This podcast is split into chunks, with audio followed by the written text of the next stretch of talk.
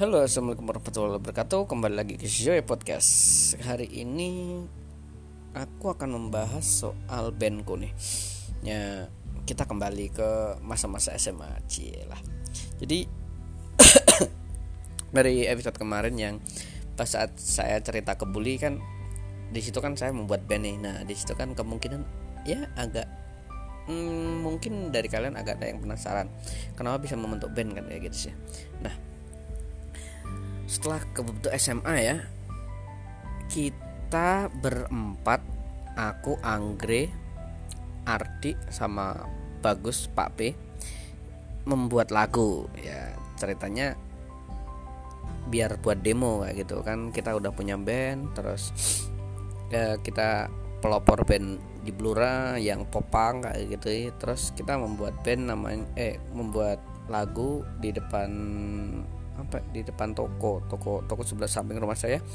Di situ kita ya nulis nulis lagu lah kayak gitu iseng iseng dikit. Terus terus setelah itu setelah itu kita rekaman nih nulis lagu namanya cerita untukmu kayak gitu kan. Nah kita rekaman jadi deh cerita untukmu. Setelah itu ya kita nggak kita pasarin lah di radio-radio gitu radio-radio blura kayak gitu. Cuma nggak ya nggak nggak nggak begitu nggak begitu hype juga sih. Kita masuk pasang di Reverb Nation kita pasang di MySpace kayak gitu. Cuman ya karena kita band indie nggak ada pelopor untuk promosinya ya kemungkinan dari poin mulut ke mulut saja untuk untuk eh iya lagunya asik kayak gitu. Cuma ya cuma sekeliling itulah. Nah setelah itu ternyata Didi yang almarhum Didi yang kemarin yang saya ceritain itu pernah ngeband sama saya kayak gitu. Jadi dia tuh juga pinter main musiknya. Dia bisa ngebas dia bisa gitar kayak gitu juga. Saya juga belajar kayak gitu. Jadi nggak ya kalau kita dilihat di flashback kita nggak nggak nggak nggak nggak apa ya nggak ada rasa dendam kayak gitu. Cuma aku diajarin cara main bass kayak gitu. Terus pas saat saya manggung terus saya rekam terus dia ngasih masukan ini kayak gini kan kurang kurang kurang kurang kayak gitu. Nah setelah itu ada nih kompilasi band yang hmm, di daerah Blora. Di situ ada forum pemuda Blora sama Blora Music Community itu membuat istilahnya kompilasi lagu. Jadi di sana ada lagu metal, ada lagu uh, pop, ada lagu Melayu, terus hardcore kayak gitu banyak deh. Terus ada popang, terus punk melodik. Jadi di situ dijadikan satu setelah itu dijadikanlah istilahnya kompilasi album satu untuk Blora kayak gitu nah CD-nya terjual aku nih satunya 25.000 kalau nggak salah dulu nah setelah itu aku kasih aku kan masuk sekolah nih. Masuk sekolah sekolahku kan malam dulu.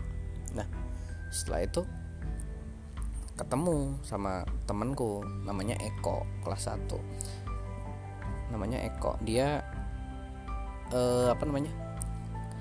Kerja jadi kan siang siang kita kerja nih siang kita kerja aku Eko kayak teman-teman kan siang kerja malamnya sekolah kan kayak gitu.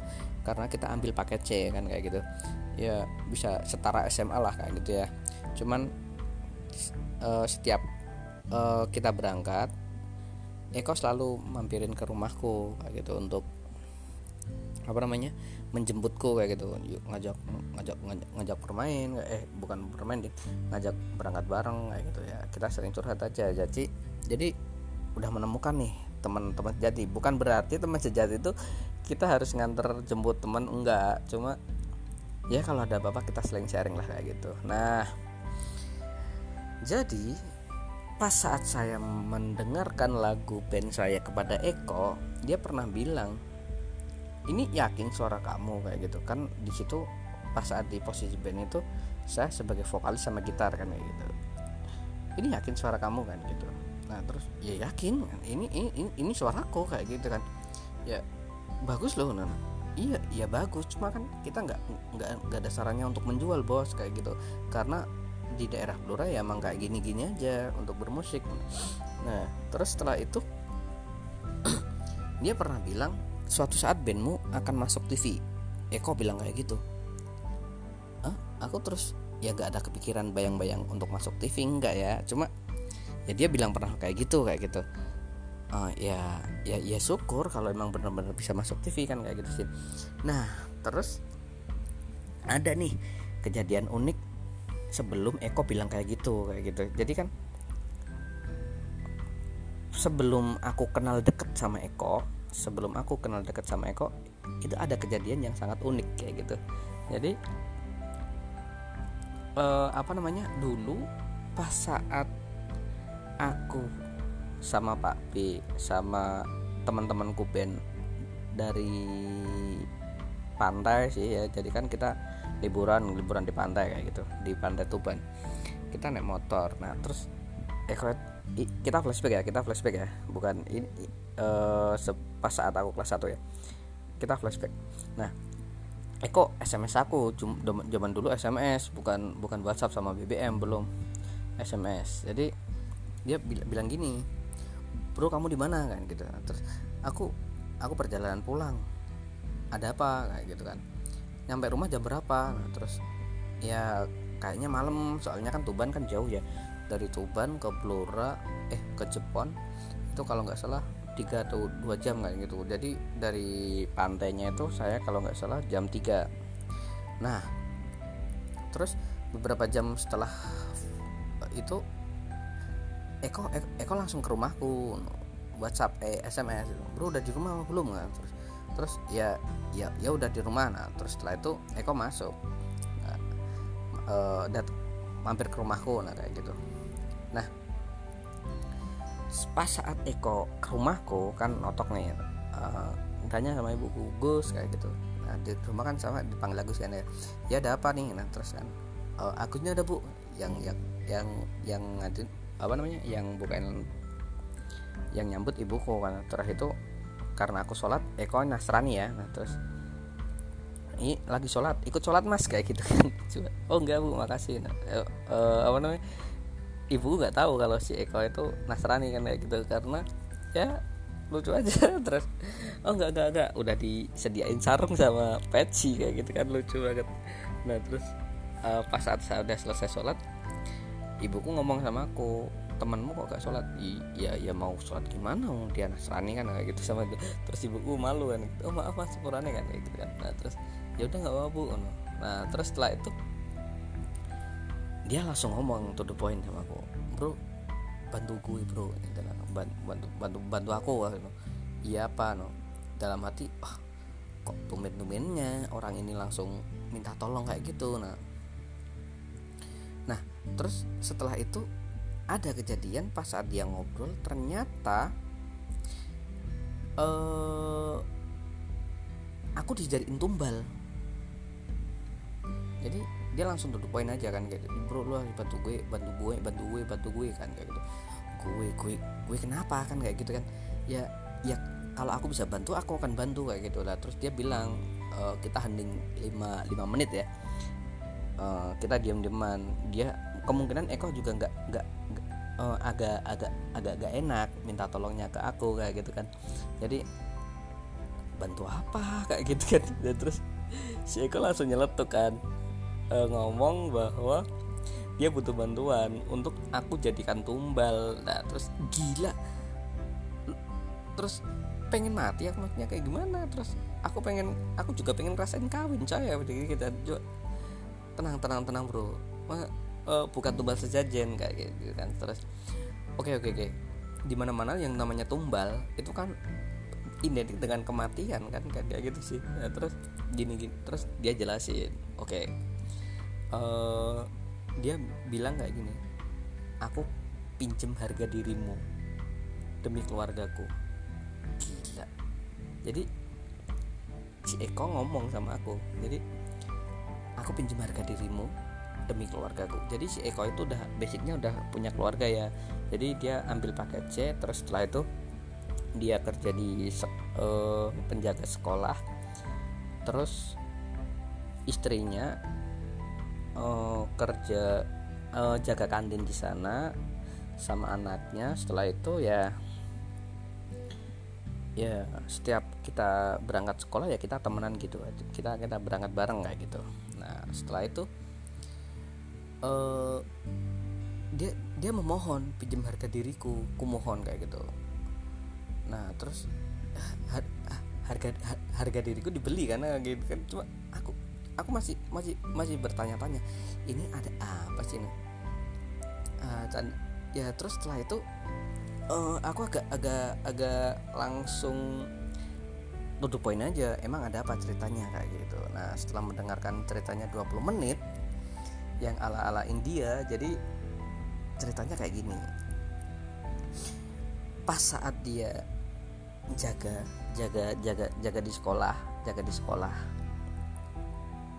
Nah ada temennya atau tetangganya itu yang minjem komputer.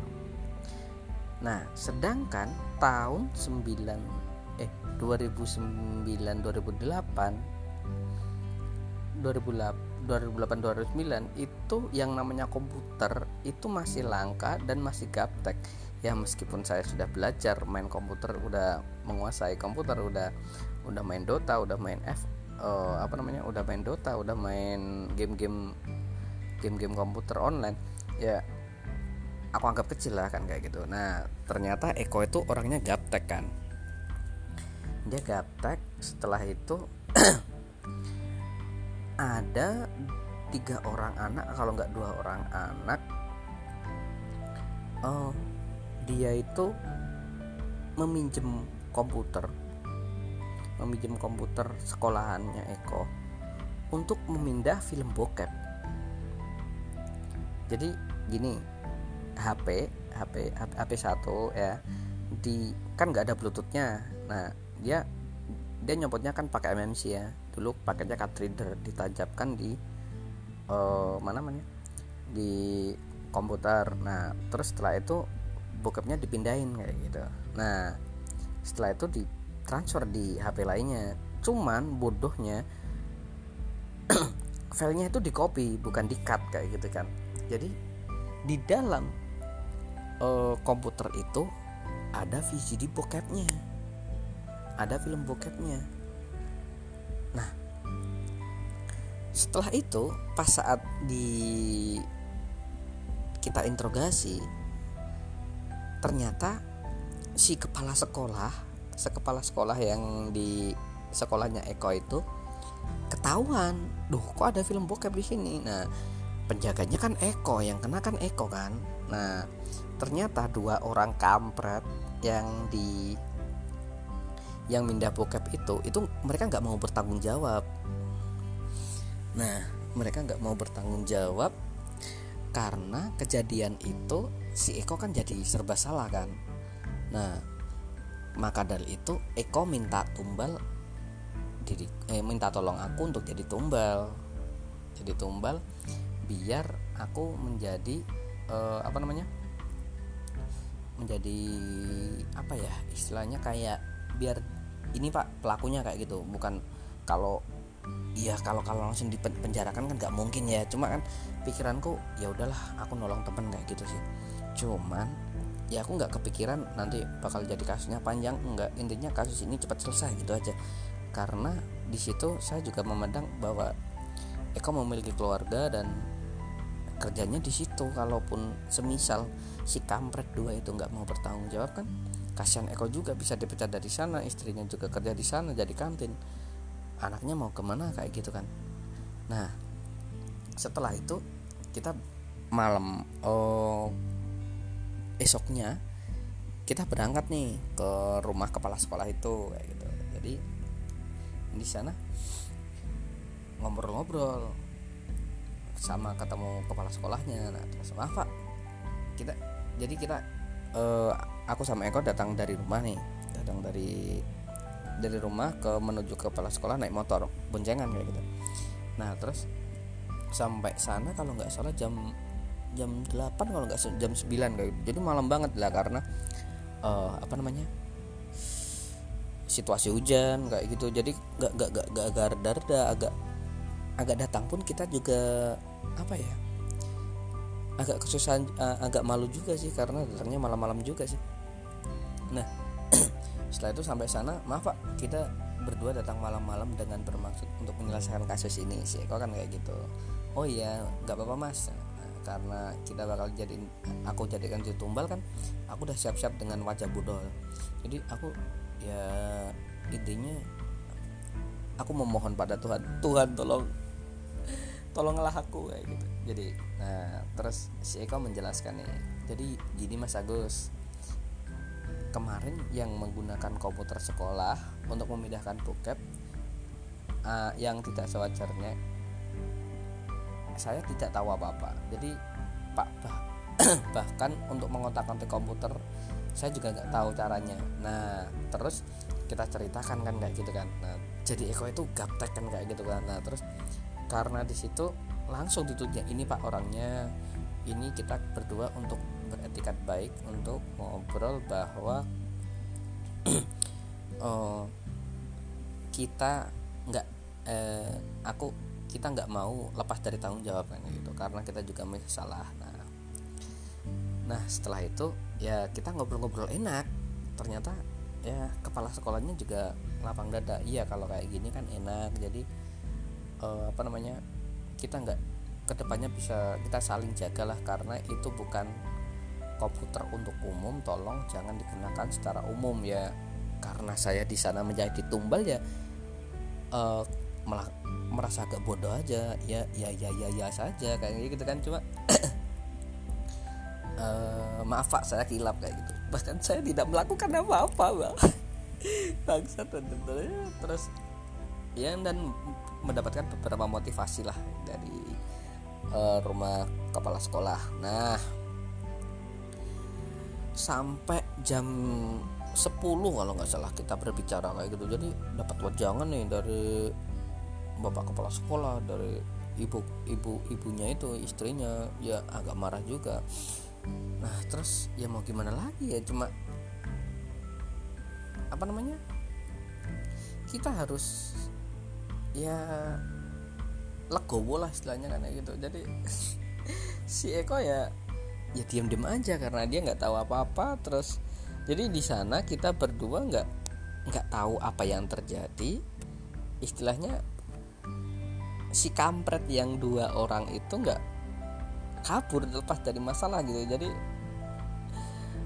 kalau pas saat saya ketemu sama Eko uh, pas pulang nih pulang ke kampung ya main lah kayak gitu ya selalu menanyakan gimana kasus bokepnya kayak gitu nah terus kita pulang jam 11 nah setelah itu langsung nih uh, kita kita kita makan kan dia dia ngobrol ngobrol lah kayak gitu. Pulang dari rumah kepala sekolah terus dia ngomong nawarin pengen makan apa nih? Nah, gitu. Ya tau lah di Blora belum ada KFC sama Pizza Hut. Ya paling kencang bakso lah. Ya paling terus ya bakso aja kayak kita makan bakso. Makan bakso ya kalau nggak salah saya pesen dua kalau nggak salah. Satu saya bungkus. Nah setelah itu pas saat saat kita pesen mbak uh, kita pesen bakso dia ngobrol ngobrol-ngobrol. Ternyata ini antara mistis atau enggak sih? Cuma percaya nggak percaya sih. Katanya pas saat tadi dia telepon telepon aku. Jadi miss callnya itu kalau nggak salah hampir 20 SMS SMS isinya bro lo di mana bro lo di mana bro di terus ada tolong aku tolong aku kayak gitu itu banyak banget jadi di spam kan. Nah setelah itu katanya nomor yang ada di HP-nya kalau nggak salah itu hilang semua.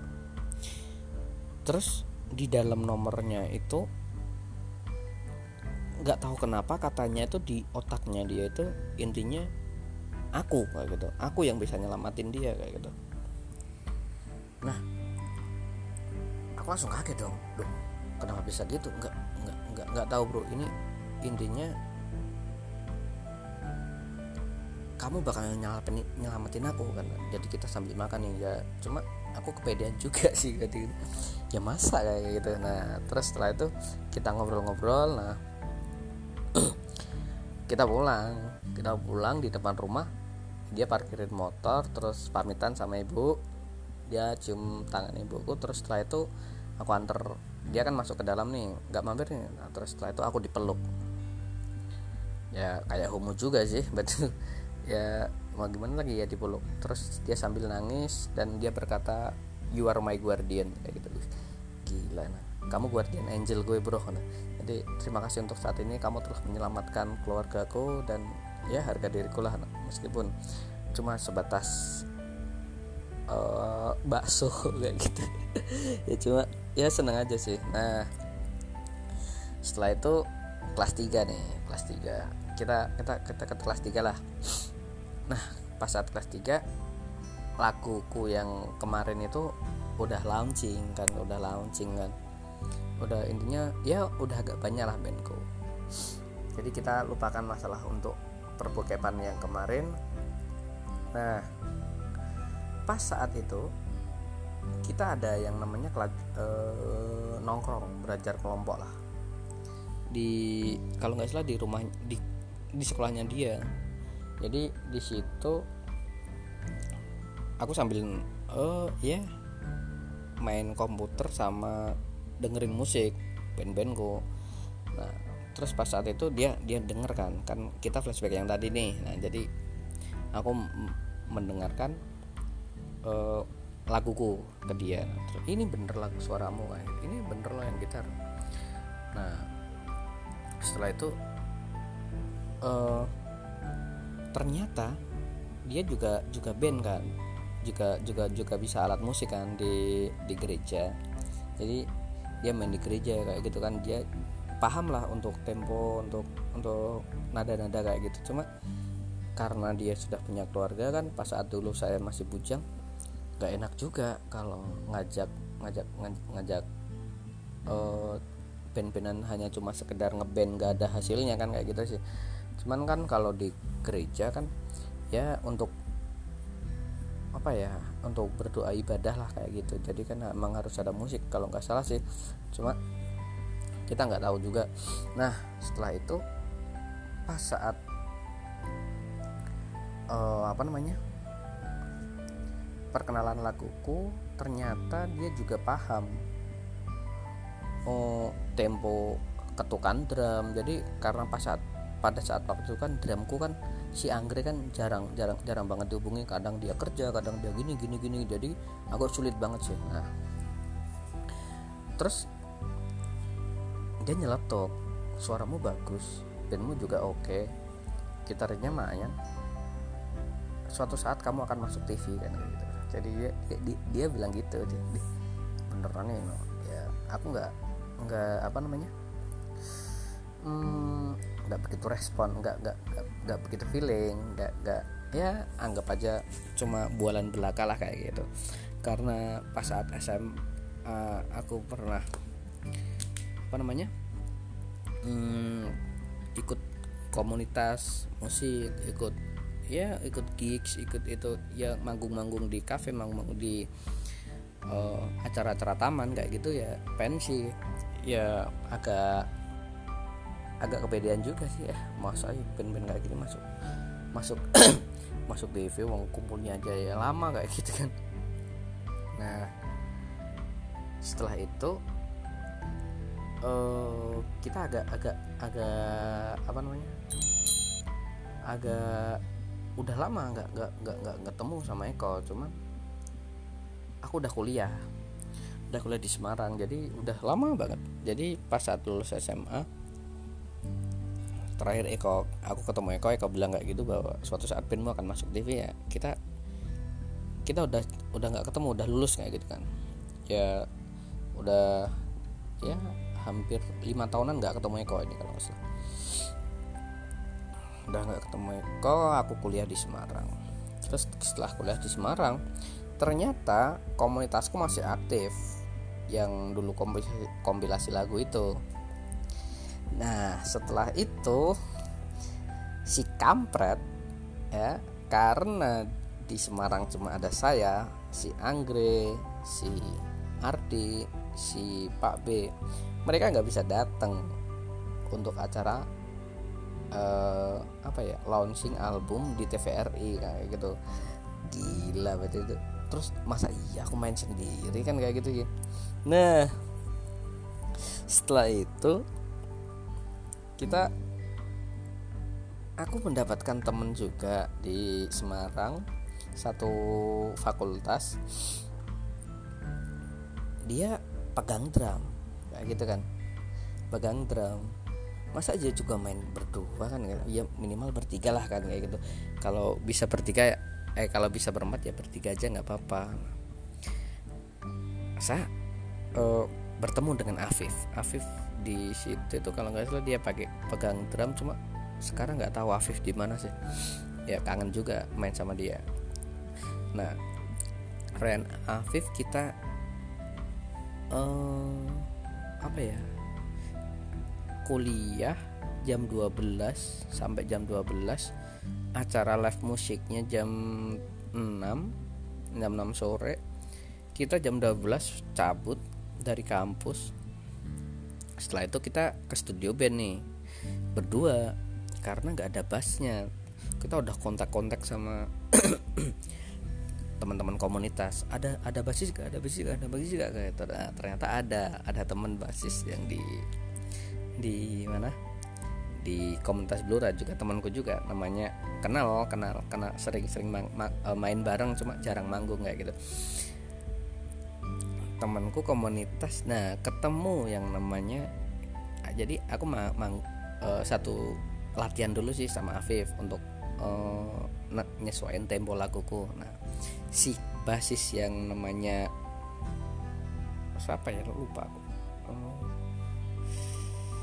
Hakim uh, ah, Hakim namanya Hakim Hakim.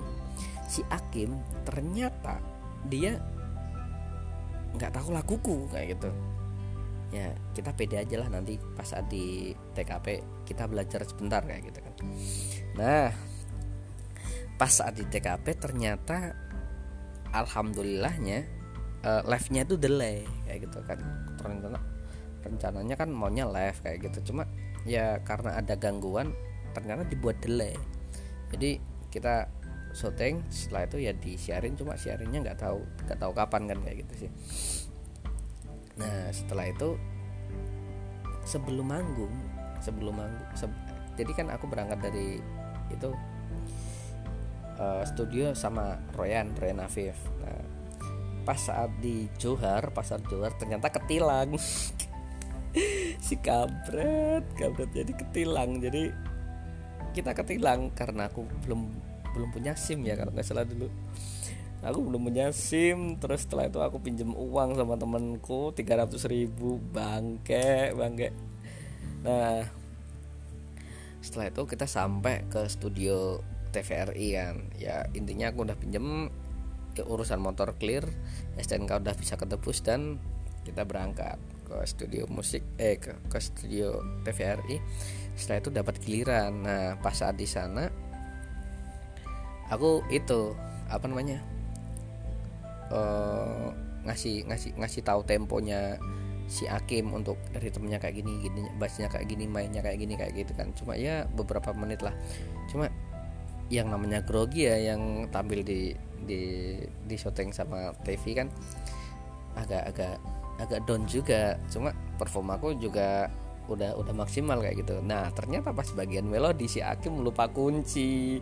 Aduh terus gimana lagi gitu. Cuma kan nggak bisa nggak bisa diulangi lagi ya juga agak malu juga sih. Dan terus ya udahlah. Nah terus setelah turun dari panggung ternyata langsung keinget sama si Eko bahwa dulu dia pernah bilang kalau bandku bakal masuk TV gitu ceritanya. Ya dari situ aku berpikir bahwa Terkadang Tuhan tidak akan memberikan cobaan yang lebih berat daripada umatnya. Ya asal kita siap untuk menghadapi cobaan itu.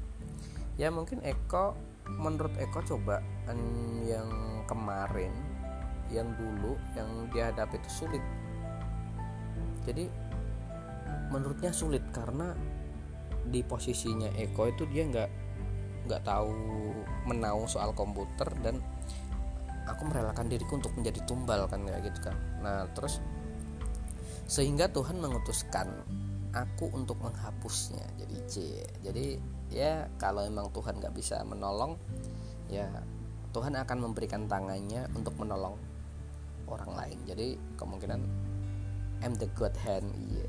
Enggak sih ya cuma ya aku bisa menolong lah kayak gitu. Nah meskipun aku juga menjadi tumbal intinya manusia diciptakan untuk saling berbagi juga sih. Jadi berbagi segala macam hal termasuk keikhlasan hati mereka. Ya namanya juga macam yang termasuk keikhlasan hati mereka juga masuk ya manusia kan juga masuk sosial ya. Ngomong apa sih? Ya namanya juga masuk sosial jadi kita saling membutuhkan satu sama lain. Kalau cuma mengharapkan dibantu orang lain mengapain juga hidup di dunia ini so thanks to apa ya? Thanks to watching. Tapi nih watching kan melihat.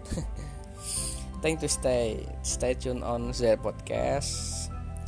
Kemungkinan besar yang bisa saya ambil dari uh, cerita hari ini adalah bahwa ya manusia emang makhluk sosial ya saling membutuhkan satu sama lain karena dari situ Eko juga pernah bilang bahwa suatu saat juga akan ada yang membalasnya kayak gitu. Dari dia pernah bilang ke guardian angel kayak gitu. Jadi kan ya kita kan nggak tahu menau ya kapan itu terjadi. Cuma senang aja sih uh, melihat teman atau sahabat kita menyelesaikan masalah dengan bantuan kita kayak gitu. Ya ada bangganya juga ada buat cerita juga besok kayak gitu. Ya.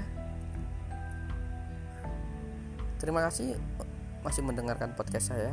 Tetap jaga kesehatan protokol kesehatan. Dan jangan sakit karena sakit mahal. Apalagi ya? Ya sudahlah. Capek kemungkinan ke depan akan ya untuk kolaborasi jarang sih. Ya kita tunggu aja berikutnya. See you next time and cheers